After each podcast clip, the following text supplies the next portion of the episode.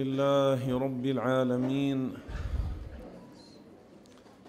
وصلى الله على سيدنا محمد طه النبي الأمي الأمين العالي القدر العظيم الجاه وعلى آله وصحبه ومن والاه.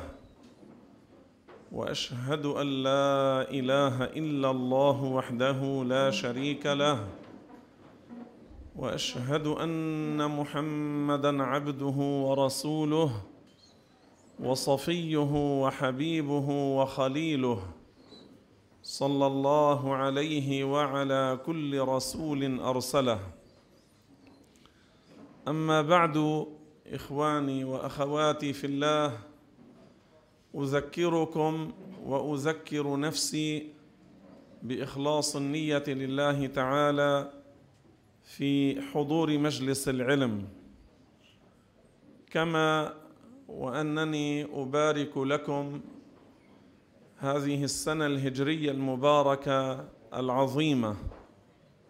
ونسأل الله عز وجل أن يجعل فيها الخير العميم والنفع العظيم وأن يدفع فيها عن المسلمين.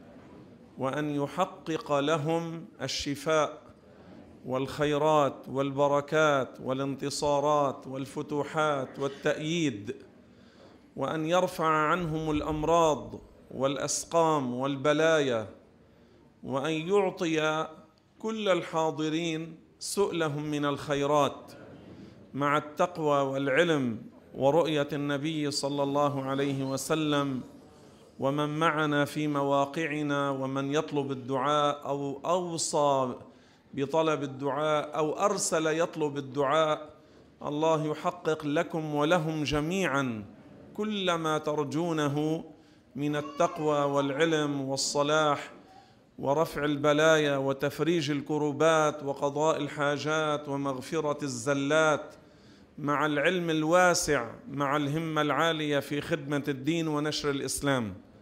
الله يلطف بالمسلمين ويحقن دماء المسلمين في كل أرض وبلد. الله يفرج عن المسلمين في كل أرض وبلد.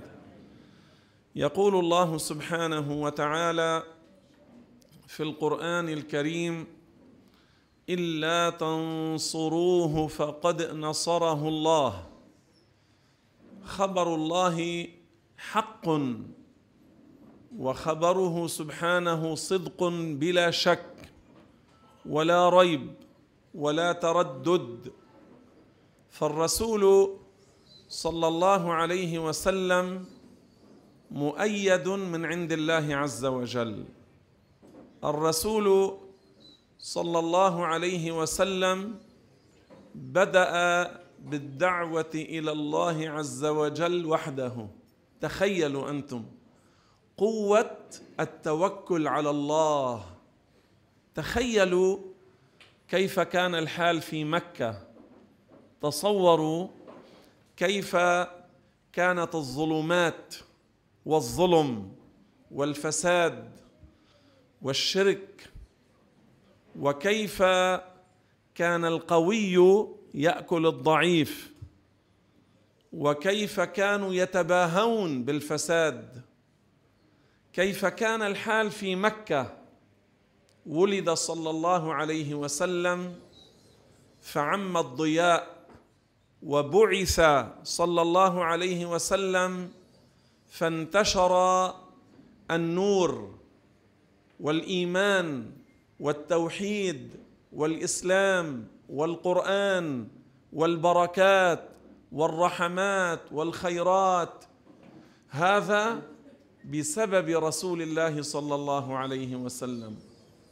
فاليوم لك أن تتخيل مئات الملايين من المسلمين في الدنيا ما هم فيه من خير سببه محمد صلى الله عليه وسلم.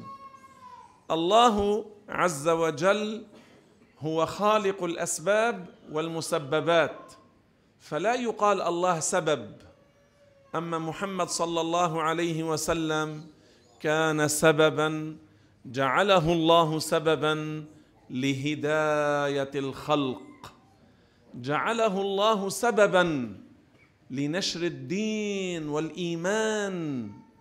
في مكة ثلاثمائة وأكثر من الأصنام كانت علقت على الكعبة حتى أنه بعض المؤرخين بيقول 360 صنم علقت على الكعبة وفي الكعبة وبعضها ضرب بالمسامير يعني عم بيثبتوها في الكعبة أصنام وأوثان يعبدونها من دون الله. تخيلوا هذه الأوثان والأصنام اللي كانوا بيعبدوها المشركين بحطوها على الكعبة إن كان على سطحها أو على جدرانها أو فيها أو حولها. ووصلت بهم الصفاقة والبجاحة والوقاحة إلى أن يصنعوا صنما من تمر ثم يعكفون على عبادته. فإذا جاعوا أكلوه وبرازا بعد قليل أخرجوه. يخرج منهم غائطا قذرا. قال على زعمهم بيعبدوه. مثل المساطيل اليوم يلي بيعبدوا البقرة. بيجي السبع والبسينة والكلب بياكلوها بياكلوها ثم تخرج برازا منهم. من السبع والكلب والهرة. بيجي الإنسان بيأكل من لحم البقر. الإنسان ثم يخرجها برازا. وهؤلاء السفهاء يقولون هذا ربنا على زعمهم. يقولون هذا إلهنا. واحد مرة بكتهم في كلمة مختصرة بدون مناظرة طويلة في الهند. واحد من هؤلاء اللي هن أضل من الأنعام كالأنعام بل أضل سبيلا من هؤلاء الذين هم أضل من الأنعام سبيلا. يعبدون البقر؟ قال لمسلم قال لسني هذا إلهنا عن البقرة. فقال له السني هذا الذي تزعم أنه إلهك نحن نأكله ثم نخرجه غائطا. انظروا بكلمة واحدة أخرسه. بكته. هكذا كان الحال في مكة.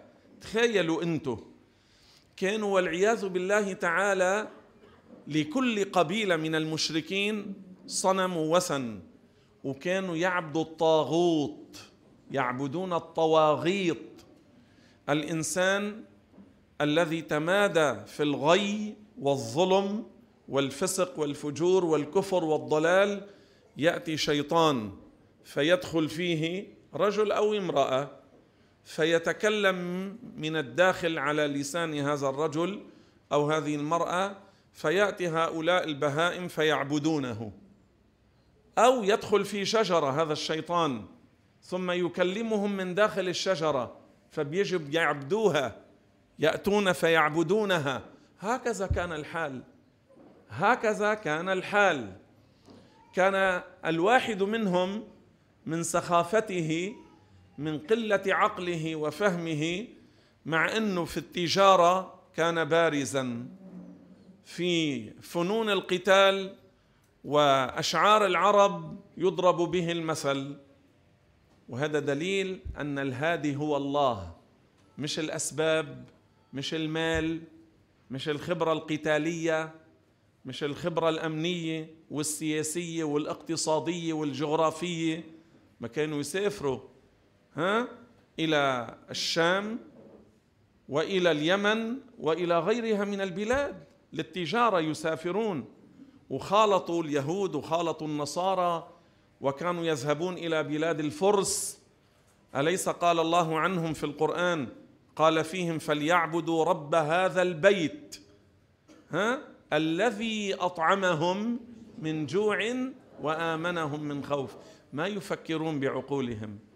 من الذي أوجدهم هو الله؟ من الذي رزقهم هو الله؟ من الذي أعطاهم السمع والبصر اليد والرجل هو الله؟ ما يفكرون؟ جايين عم يعبدوا بقرة وحجرة وشيطان وعفريت وحجرة هم ينحتونها. أتعبدون ما تنحتون؟ والله خلقكم وما تعملون. لاحظوا الله بكتهم الله عاب عليهم. أتعبدون ما تنحتون؟ هم بأيديهم ينحتون هذا الصنم من حجرة من خشب من نحاس من نحاس. بل من تمر كما بينا انظروا كيف كان الحال. وأضف إلى كل ذلك الواحد منهم يأتي بابنته إذا ولدت له وهي على قيد الحياة يدسها في التراب وهي على قيد الحياة. تصوروا بنته بنته يلي بعد يعني من ساعات ولدت يأخذها وهي تصرخ. وهي تصرخ.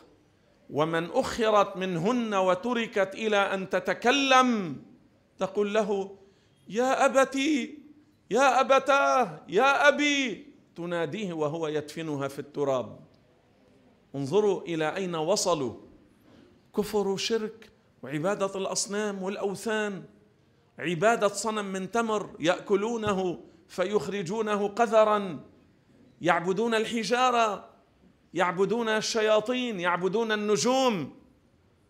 يوجد نجم يقال له الشعرى. بعضهم كانوا يعبدونه. انظروا هؤلاء ما استعملوا عقولهم كما ينبغي لإيلاف قريش إيلافهم. من الذي جعلهم قارين آمنين في حرم مكة؟ هو الله سبحانه. ويسر لهم الرحلتين رحلة الشتاء والصيف. ورزقهم من الثمرات وأعطاهم من النعم ما لا يعد ولا يحصى بالنسبة لنا ولهم. ما فينا نعدها. مع كل هذا كانوا يعبدون الشيطان. كما شرحت لكم الطاغوت يعبدون الطواغيط مع كل هذا الظلم والظلام والفسق والفجور والتمادي والتباهي. تمادي وتباهي في الحماقة. تمادي وتباهي في الصفاقة. يتمادون في عبادة الأصنام والأوثان. وكانوا بالجاهلية الواحد منهم يعبد حجرا حجرا. تعرف شو يعني حجرا؟ يعني بتلبطه بإجرك. بتاخده بتصب عليه مثلا شوية تراب ومي. بتحطه ضمن شو؟ العمار الحيط الجدار العمود أو بتاخده بتكسره بتطحنه أو تبول عليه. حجر بعض الناس يبول في أماكن فيها حجارة. وأكثر من ذلك يأتي الكلب فيبول على هذا الحجر. أليس هذا يعرفه الناس؟ يعبدون حجرا. فإذا كان الواحد منهم في السفر ورأى حجرا شكله معجب منظره أجمل من الأول ترك الأول وعبد الثاني. انظروا إلى سخافة العقل. هذا شيء أخبرنا الله عنه فيما كانوا يفعلونه في القرآن. أفرأيت من اتخذ إلهه هواه انتبه الآية تخبر عن حال المشركين. مش مثل ما قال رجب ديب في الكون إلهين حاشا لا واحتج بهذه الآية بزعمه. الآية ليس هذا معناها ولا فيها ذلك ولا فيها ذلك. مرة نزلت إلى شيخهم في جامع البسطة التحتة في حلقة المغرب بعد صلاة المغرب في مجلس عام ورئيسهم في بيروت كان هو الذي يدرس. فدخلت ووقفت وقلت له شيخكم يقول كذا وكذا وكذا.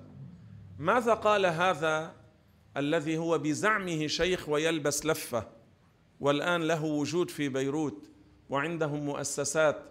ماذا قال؟ القرآن هو يقول حاشا وكلا انتبهوا هذا كفر. قال القرآن أثبت عدة آلهة. قلت له كذبت وافتريت هكذا في المجلس العام. وفيما أذكر الحج خضر عميرات كان حاضرا يومها وبعض كنت أنت حج؟ نعم حج خضر عميرات هذا الذي أذكره إلى الآن. هذا من قبل ثلاثين سنة هذا الكلام. فقلت له كذبت وافتريت. القرآن ما أثبت عدة آلهة. القرآن أخبرنا عن المشركين أمثالكم. أنهم قالوا ها هناك آلهة متعددة كما قال الله تعالى في القرآن الكريم واتخذوا من دون الله آلهة. واتخذوا مين؟ المشركين. وين في هيك لفظ بالإطلاق في القرآن يوجد عدة آلهة في؟ لا حاشا. مستحيل. هذا على زعمهم في الرد عليهم. فانظروا احتجوا بهذه الآية أفرأيت من اتخذ إلهه هواه فقال في الكون إلهين وقال بعض أتباعه قال مش إلهين مليونين إله فيه. انتصارا لهم على الفساد لشيخهم ودفاعا عن كفره فكفروا معه. كفروا معه. إذا لاحظوا الآية انتبهوا. أفرأيت شو يعني؟ هل أخبرت يا محمد؟ هل علمت يا محمد؟ انتبهوا للآية. أفرأيت الرؤية في لغة العرب تأتي بمعنى العلم. واضح؟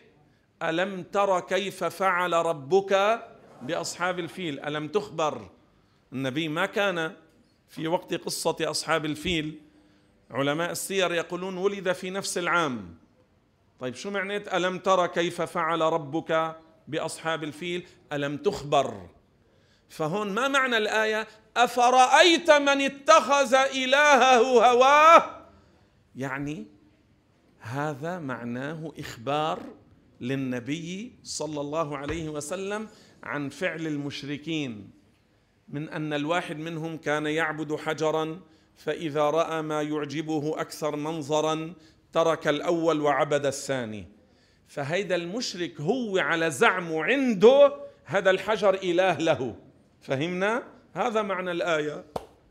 انظروا كيف كانوا قبل بعثة النبي صلى الله عليه وسلم.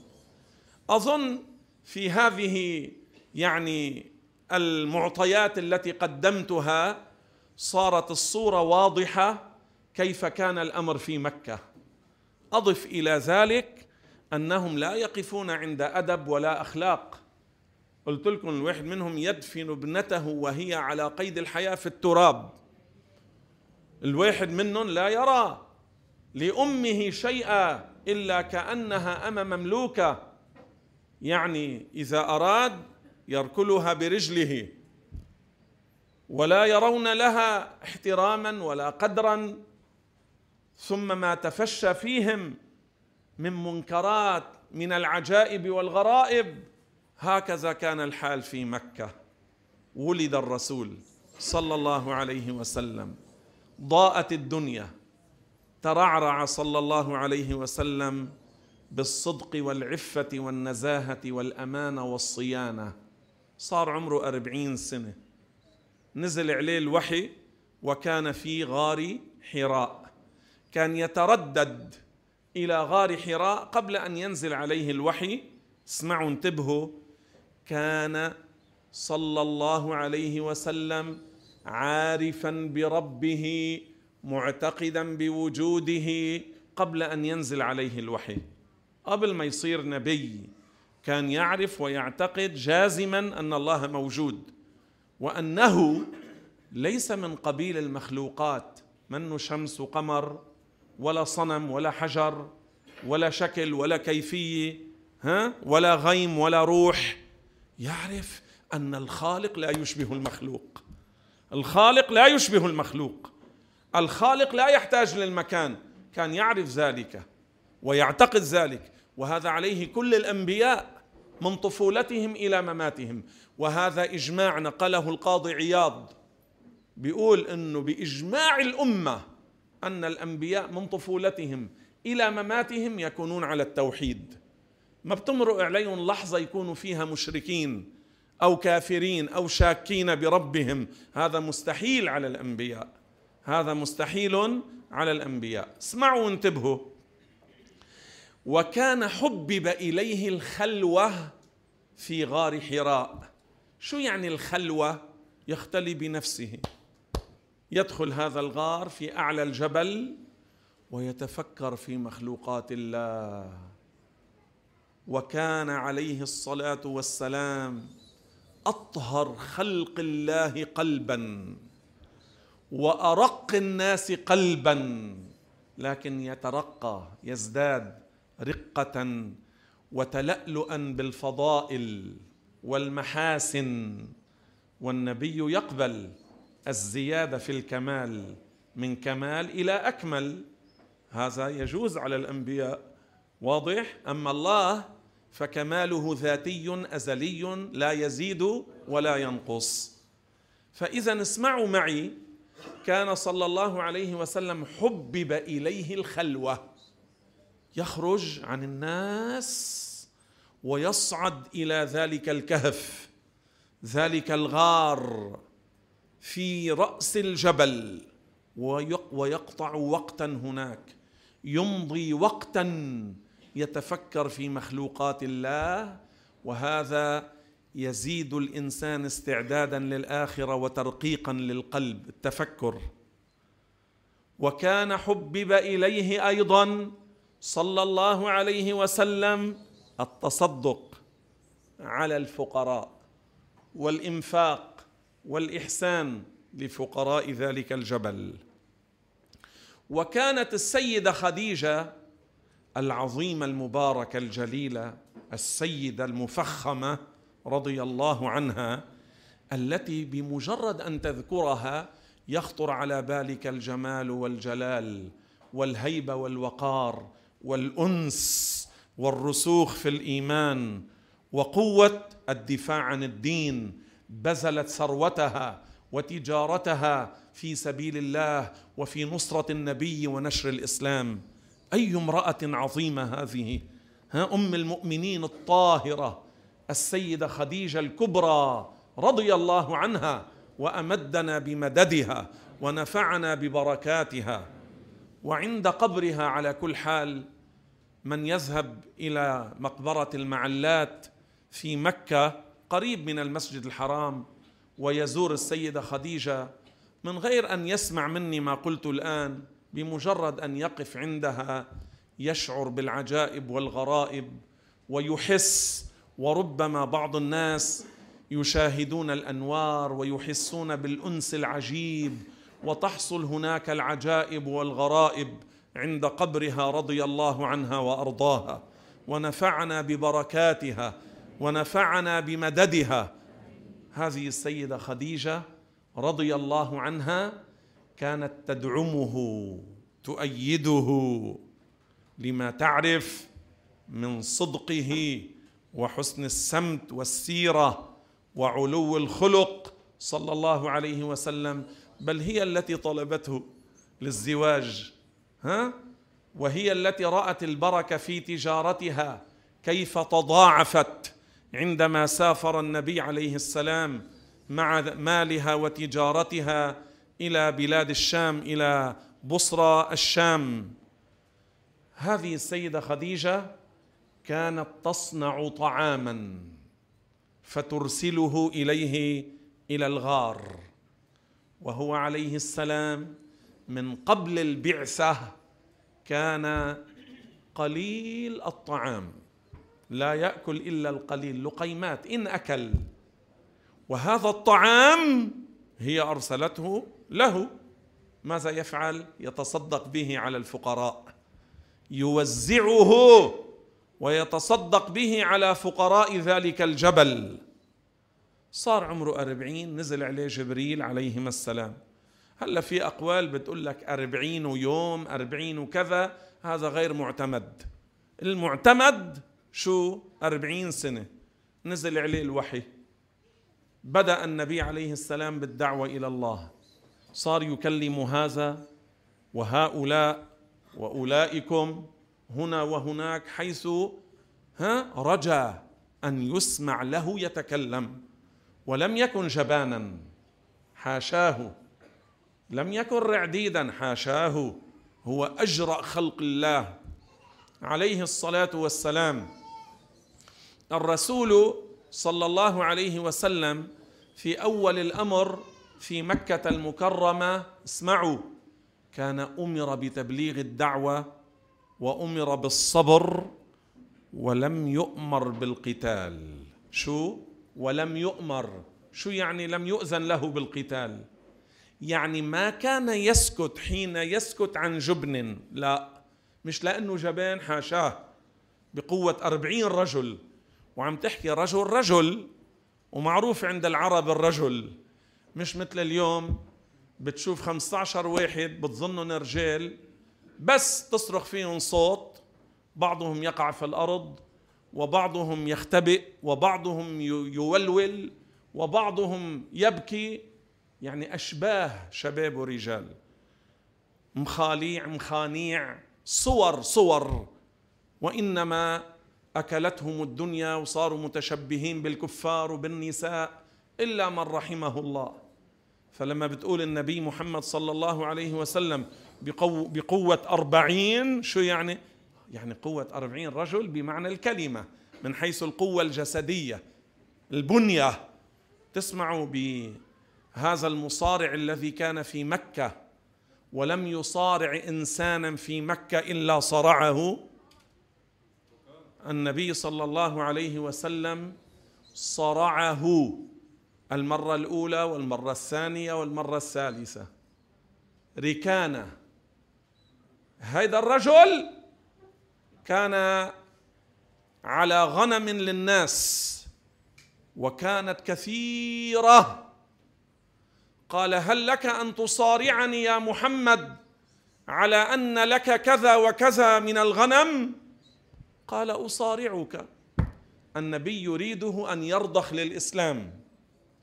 هداك شو مخمن لي حاله صخرة الروشة مثلا قد يقال يعني مع أداة الحكاية لأنه لا بيعرف الروشة ولا الصخرة هداك فمخمن حاله يعني شي قطار ترين بيخرة مثلا فإجا النبي عليه السلام بدون كثير تكلف. بسم الله. أمسكه النبي وضربه في الأرض. وهو لا يوجد إنسان قبل ذلك في مكة صرعه. وحتى في أطراف مكة لا يلقى إنسانا يصارعه إلا صرعه. فدهش الرجل. قال يا محمد ما أنت الذي ثبتني على الأرض؟ عرف أن في الأمر سر. أنه ما أنت؟ قال له النبي والغنم مردود عليك. ما بده الغنمات. قال تصارعني ولك كذا وكذا يعني أكثر. صارعه فصرعه وهكذا إلى أن عرف الرجل أنه صلى الله عليه وسلم مؤيد من عند الله وأن الله هو الذي ينصره حتى دخل الرجل في الإسلام. شفتوا شو يعني رجال؟ لما بتقول أربعين شخص كل واحد بيمثل قبيلة وعشيرة في مكة والأربعين الذين يمثلون القبائل يلحقون بمحمد صلى الله عليه وسلم. والنبي لم يهاجر خوفا ولا هربا إنما هاجر تنفيذا لأمر الله. شو الدليل؟ أنه لم يهاجر أول ما نزل عليه الوحي. قد بقي بمكة 13 سنة. تخيلوا كل هالزمن الطويل وهو فيهم وبينهم ومعهم يواجههم يقابلهم ويصبر على أذاهم وعلى مكرهم وكيدهم ولم يهرب حاشاه ولا يهرب بل هاجر عندما أمر.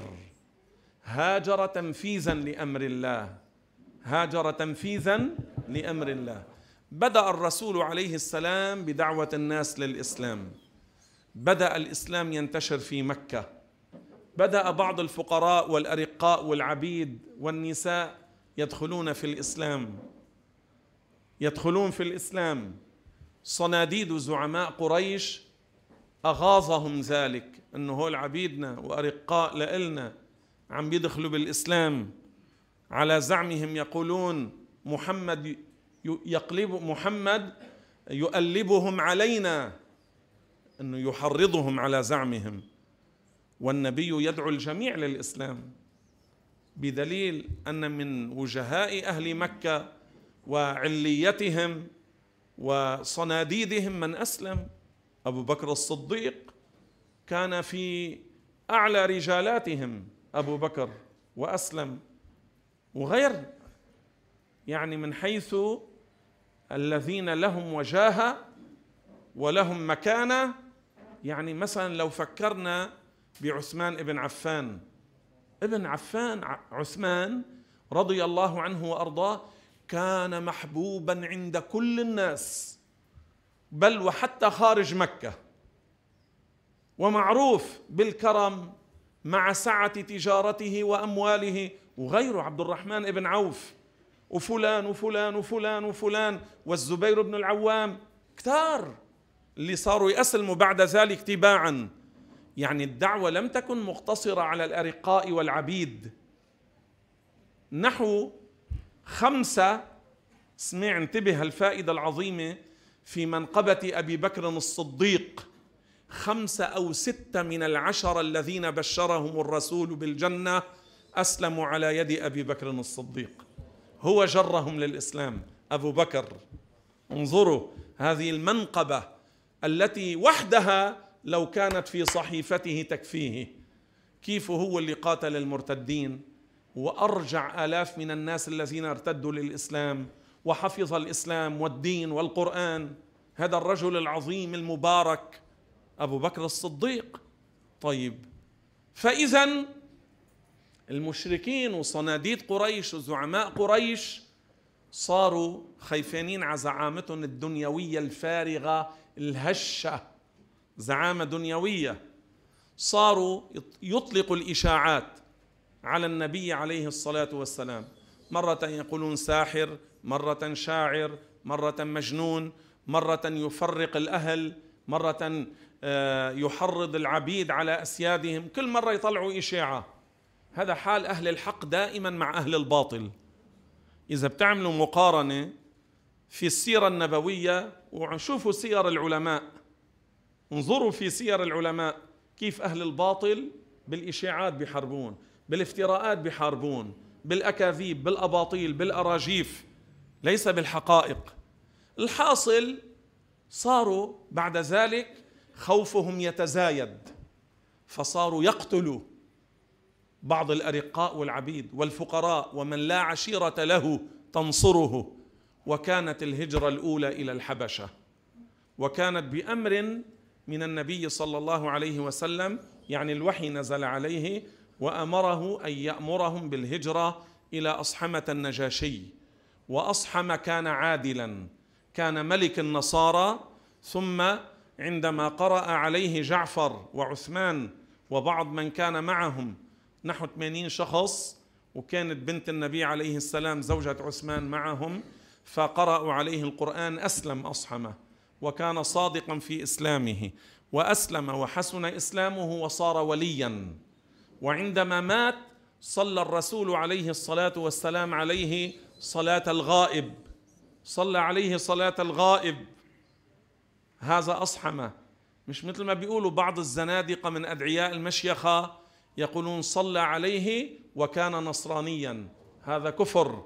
هذا تكفير للرسول ونسبة الخيانة للرسول حاشاه. إنما كان أسلم وحسن إسلامه. حتى إن السيدة عائشة رضي الله عنها قالت كنا نحدث أن النور ما زال يرى عند قبره. هذا أصحمه رضي الله عنه وأرضاه. فهذه الهجرة الأولى لم يكن فيها الرسول صلى الله عليه وسلم وبعض المسلمين بدأوا إلى المدينة. وقبل أن تسمى المدينة المنورة أو المدينة النبوية أو مدينة الرسول كان اسمها يسرب بدأوا شو؟ يعني من حيث آه، إن استطاع الإنسان بمفرده يذهب. ليس جماعات جماعات ولا بشكل ظاهر. بدأ الخبر ينتشر. أبو بكر الصديق رضي الله عنه استأذن الرسول بالهجرة فلم يأذن له. قال له اصبر وانتظر لعل الله أن يجعل لك صاحبا. فهم أبو بكر الرجل العظيم المبارك أن النبي يعني نفسه. فحضر راحلة له وراحلة للنبي صلى الله عليه وسلم. واجتمعوا المشركين في دار الندوة. هذه دار كانوا يعدوا فيها للقضايا الملمة والمهمة عندهم بزعمهم. يتشاوروا يجتمعوا فيها وصاروا يتباحثون بزعمهم كيف يتخلصون من محمد صلى الله عليه وسلم. وصار كل ما واحد منهم عطى فكرة كان أبو جهل ينقض له رأيه وإبليس حضر معهم متشكلا بصورة شيخ من نجد سراقة ابن مالك ها؟ ثم بعد كل الذي عندهم هو قرر وقوى فكرة واحدة وشجعهم عليها. شو؟ أن يحضروا من كل عشيرة من كل قبيلة شابا ويعطوهم السيوف ويدخلوا على رسول الله صلى الله عليه وسلم فيضربونه بسيوفهم ضربة رجل واحد فيتفرق دمه في القبائل. فشو بيصير؟ صعب على بني هاشم أن يأخذوا بالثأر واضح؟ فأبو جهل طرح فكرة إبليس حمسهم قوى رغبتهم حكي أخذوا بكلام إبليس اتفقوا على هالفكرة وانصرفوا على ذلك. نزل جبريل عليه السلام يقول له يا محمد لا تبت الليلة على فراشك فإن القوم قد ائتمروا بك. يعني اتفقوا عليك. فارسل عليه السلام في طلب علي رضي الله عنه. وهون نعرف عظيم منزلة علي عند النبي. وبنعرف عظيم جرأة علي وشجاعة علي وبسالة علي وإقدام علي وكما يقول بعض الناس الرجل الفدائي المقدام الأسد الذي لا يبالي بعدو. ليه؟ لأنه أمره أن يكون مكانه وهم قد أحاطوا بالبيت. قال له بت على فراشي هذا وتسجى ببردي الأخضر فإنه اسمع هذه معجزة. الآن يخبره عن النتيجة بعد ما حصلت. فإنه لن يخلص أحد منهم إليك بشيء تكرهه. سلم علي البطل الشجاع أسد الحروب أسد الله وأسد رسوله صلى الله عليه وسلم. يا سلام أي شرف هذا؟ لعلي الذي بات على فراش النبي وتسجى ببرد النبي ودافع عن النبي وحمى النبي ووضعه النبي ليؤدي الأمانات إلى أهلها ولم يضيع الأمانات ثم بعد ذلك يلحق به إلى المدينة. وكانوا هول المشركين قد أحاطوا بالدار وأخذوا أسلحتهم وقام النبي أخذ قبضة من الحصباء وجعل يقرأ من بداية ياسين حتى وصل إلى قوله عز وجل فأغشيناهم فهم لا يبصرون. وفتح الباب. أجرأ خلق الله محمد. قد بتسمعوا عن جرأة علي وجرأة عمر وعن جرأة أبي بكر؟ هم كانوا يحتمون بالنبي في المعارك. هم وأبطال الرجال يحتمون بالنبي في المعارك. فكان أقرب من يكون إلى العدو في الحرب هو الرسول صلى الله عليه وسلم. شو بيقول سيدنا علي بهذا الموضوع؟ اسمعوا. قال كنا إذا اشتد الوطيس واحمرت الحدق أقرب ما يكون إلى العدو رسول الله. والشجاع منا الذي يدنو منه ويقترب. يعني يكون قريب من الرسول يحتمون به. وكان يقول للمشركين إلي إلي أنا النبي لا كذب. مش يختبئ حاشاه. كان يصرخ. يعلمهم أنه القائد والإمام وأنه القدوة. صلى الله عليه وسلم يقول لهم إلي إلي أنا النبي لا كذب. وهذا لإرعابهم ليس لتشجيعهم على قتاله. حاشا لأن النبي لا يشجعهم على الكفر. قتل النبي وقتال النبي وسب النبي كفر. فهذا مش معناته من النبي عم بيش لا هذا للتهديد هذا للوعيد. يعني إن اقتربتم إن حاولتم ترون ما ينزل بكم. سيدنا موسى ماذا قال للسحرة؟ ألقوا ما أنتم ملقون. هذا من أي باب؟ التهديد والوعيد. هل موسى أمر السحرة أن يفعلوا السحر؟ حاشا. هل شجعهم؟ حاشا. هل حمسهم؟ حاشا. هذا تهديد ووعيد وتهكم. وتحذير. فهمتم المسألة؟ فهمتم القضية؟ إذا انتبهوا. كانوا قد أحاطوا بالبيت. جعل النبي صلى الله عليه وسلم الذي هو أرسخ وأثبت من الجبال يمشي بينهم. يمشي يمشي بينهم وينشر التراب في وجوههم. وعلى رؤوسهم يضع على رؤوسهم. وذهب إلى أبي بكر. جاء الأمر جاء الوقت. وكان أبو بكر ينتظر. وقد جهز راحلة لرسول الله وراحلة لنفسه. فعندما رآه عرف أبو بكر قام وأخذ ما كان جهز. ثم قال له هذه لك يا رسول الله الراحلة. شو قال له الرسول؟ بالثمن يا أبا بكر. بالثمن. انظروا إلى أكرم خلق الله. مرة كنا عند الشيخ رضي الله عنه اجى رجل سياسي. سياسي من دولة عربية مشهورة جدا. وله وضع دولي. هذا الرجل له وضع دولي سياسي. قال له للشيخ أنا كنت حاضرا. قال للشيخ عندي سؤال ما حدا من مشايخ البلاد جاوبني عليه. فمتى أنت تكون مرتاحا؟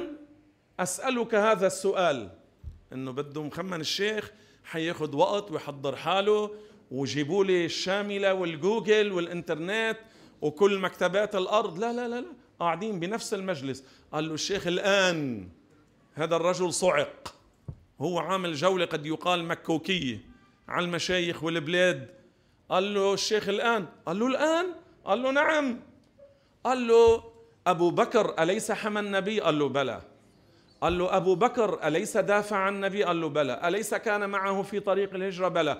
أليس حماه في الغار؟ بلى. أليس دفع كل ماله في نصرة الإسلام والدفاع عن النبي؟ بلى. أليس كذا؟ بلى. أليس كذا؟ يعني جايب لنا مناقب الصديق رضي الله عنه وعم بيعددها والشيخ يقول له بلى. قال له إذا لماذا لم يزوجه فاطمة؟ عندما طلبها قال له لأنه صلى الله عليه وسلم كان ينتظر الوحي. قال له أبو بكر عمل وقدم وفعل وقدم وضحى وأنفق. قال له الشيخ كل هذا لا شيء أمام ما قدمه الرسول لأبي بكر. الرسول أدخله في الإسلام. بهت الرجل. شوفوا ولا جواب؟ قال له الرسول أدخله شو بيطلع كل لو جبت انت جبال الدنيا ذهبا شو بتطلع؟ قدام انك تدخله في الإسلام. أي النعمتين أعظم؟ ها رأيتم؟ صعق الرجل وسكت على مضض ثم قال بقيت عندي أسئلة خاصة. متى؟ قال له الشيخ الآن. قال له لا أنا أريد مجلس خاص. فقام الشيخ ودخلت معه والدكتور الشيخ نبيل الشريف كان حاضرا وصار يسأل الشيخ أسئلة والشيخ يجيبه بدون تكلف. بدون تكلف انظروا. هذا أبو بكر. لكن ما قدمه النبي لأبي بكر شو؟ أعلى أعلى وأعظم وأكبر. وكل ما قدمه أبو بكر وضحى به كلا شيء بالنسبة لما قدمه له الرسول صلى الله عليه وسلم. أما أبو بكر وعمر لما طلبوا السيدة فاطمة للزواج واحدا بعد واحد والنبي يسكت كان ينتظر الوحي لم ينزل الإذن فلم يزوجها من واحد منهما. جاء علي طلبها نزل الأمر فزوجها إياه. قال لها زوجتك بأعلم أمتي بسنتي. هذا سيدنا علي رضي الله عنهم جميعا وخرج النبي ومعه أبو بكر في طريق الهجرة وفي الطريق أبو بكر تارة يمشي أمام النبي، تارة خلفه، تارة عن اليمين، تارة عن الشمال، يذكر الرصد، يذكر العدو من هنا أو هناك، عن اليمين أو عن الشمال حتى وصلا إلى الغار. هون أي غار؟ ثور مش حراء. قال والذي بعثك بالحق يا رسول الله لا تدخل حتى أدخل قبلك. فإن كان فيه ما يؤذي كان لي دونك. النبي يفدى بالروح والوالد والولد. النبي يفدى. النبي أولى بالمؤمنين من أنفسهم وأزواجه أمهاتهم. صلى الله عليه وسلم ورضي الله عنهن. ثم دخل أبو بكر وجعل يتحسس في الغار فإذا شعر أو رأى أن هذا الموضع فيه ثقب مزق من قميصه وسد الثقب وسد تلك الثقوب بقميصه. هون قد واحد يسألك كيف يعني فات عليه النبي وهو قد مزق قميصه وسد به تلك الثقوب. الجواب كانوا تحت هذا القميص الفوقاني يعني الدشداشه يلبسون ازارا أو ثوبا آخر. عرفتوا؟ فهو الذي مزقه شو؟ الثوب الفوقاني وكان عليه شيء آخر تحته. طيب بقي ثقب ولم يكفي شيء ولم يبقى معه شيء من ثوبه ليسد به هذا الثقب. فوضع عقب رجله عقب إجره وضعه في هذا الثقب وجلس. مشان إذا في عقرب حي أو شيء يؤذي لا يصل إلى النبي. قال ادخل يا رسول الله. أبو بكر جلس وعقب رجله في الثقب. دخل النبي وأراد أن يستريح وضع رأسه الشريف الطاهر الزكي العظيم على فخذ أبي بكر. يا سلام. أي حب وأي صداقة وأي صحبة وأي أمانة. رسول رب العالمين الله اختار له صديقه الذي يكون معه في الغار. صديق النبي وصاحب النبي مين؟ أبو بكر. من الذي اختاره للنبي؟ هو الله. إذ هما في الغار إذ يقول لصاحبه إذ يقول لصاحبه. بعض الدجالين الأفاكين شو بيقولوا؟ قال أبو بكر بالطريق صار يصرخ ويعيط قال مشان الطلب يعني اللي جايين يفتشوا على النبي قال يسمعوا صوت أبو بكر يعرفوا وين هن يجوا يقتلوا النبي. قال كان يعمل ضجة وعجقة بالطريق. مع أنه بعضهم الآخر يقول الصاحب وليس الصديق بزعمهم. وهذا تكذيب للإجماع. حتى اليهود والنصارى يعرفون ذلك. حتى اليهود والنصارى يعرفون وهم أنفسهم يعرفون. لكن الحقد الأعمى ها وسموم الشيطان إذا دخلت القلب أعمت البصر. بعدين بدي أسأل سؤال اسمعوا. لما يكون ماشي بالصحراء وعم بيصرخ وبيعمل عجقة تعالوا شوفونا نحن هون. مش لما صاروا بالغار إجوا المشركين وقال يا رسول الله هذا الطلب وهذه أقدامهم ولو أن أحدهم نظر تحت قدميه لأبصرنا. ليش هون ما صرخ لهم أبو بكر؟ وكانوا صاروا حدهم وصار سهل يلقطوهم أربعين واحد واثنين بالغار. وين هول المذبذبين اللي عم بيقولوا أبو بكر كان بده يكمش النبي للمشركين؟ ليش ما قال لهم تعالوا ها هو هنا؟ هل فعل؟ بل حماه بروحه حماه بنفسه. إذ يقول لصاحبه لا تحزن إن الله معنا. معنا يعني حافظنا مؤيدنا ناصرنا وليس بالحلول. بعدين هذه الآية مدح لأبي بكر كمان. إن الله معنا. ما قال إن الله ما قال ها إن الله معي؟ قال إن الله معنا. تأييد لأبي بكر. والله عالم الغيب والشهادة وهو عالم بحال أبي بكر الصديق الطيب الطاهر إلى أن يموت على هذه الحالة الحسنة. مدحه وأثنى عليه في القرآن. وهنالكم جاءت الحمامة الوحشية فباضت على فم الغار للتو مش بس باضت ورقدت على بيضها. إنه كأنه صار له زمان يعني. وجاء العنكبوت وخيط على فم الغار ونبتت الشجرة في فم الغار. المشبهة المجسمة اليوم قصة العنكبوت والحمامة ينكرون وهذه رواها الحافظ البيهقي وغير البيهقي. عدد من علماء السير رووا ذلك وأثبتوه. فلما وصلوا وقال أبو بكر لو أن أحدهم نظر تحت قدميه لأبصرنا يا رسول الله. قال ما ظنك باثنين؟ الله ثالثهما. هون مش للعدد. اثنين ثلاثة للعدد؟ لا أعوذ بالله. وليست للحلول والاتحاد؟ لا. هذا معناه ناصرنا مؤيدنا حافظنا وهو سبحانه القادر على كل شيء. فلن يصلوا إلينا. هذا معناه. هذا معناه.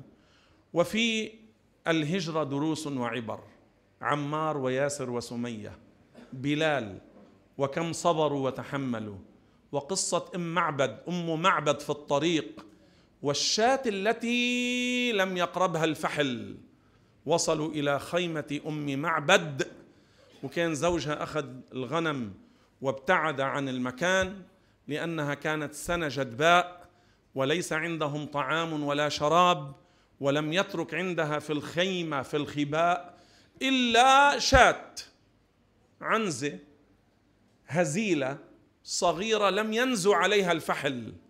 لا تعطي قطرة من لبن. أصلا ما وصلت إلى سن تعطي الحليب. ملخص الحادثة قال لها الرسول هل عندكم لبن نشتريه؟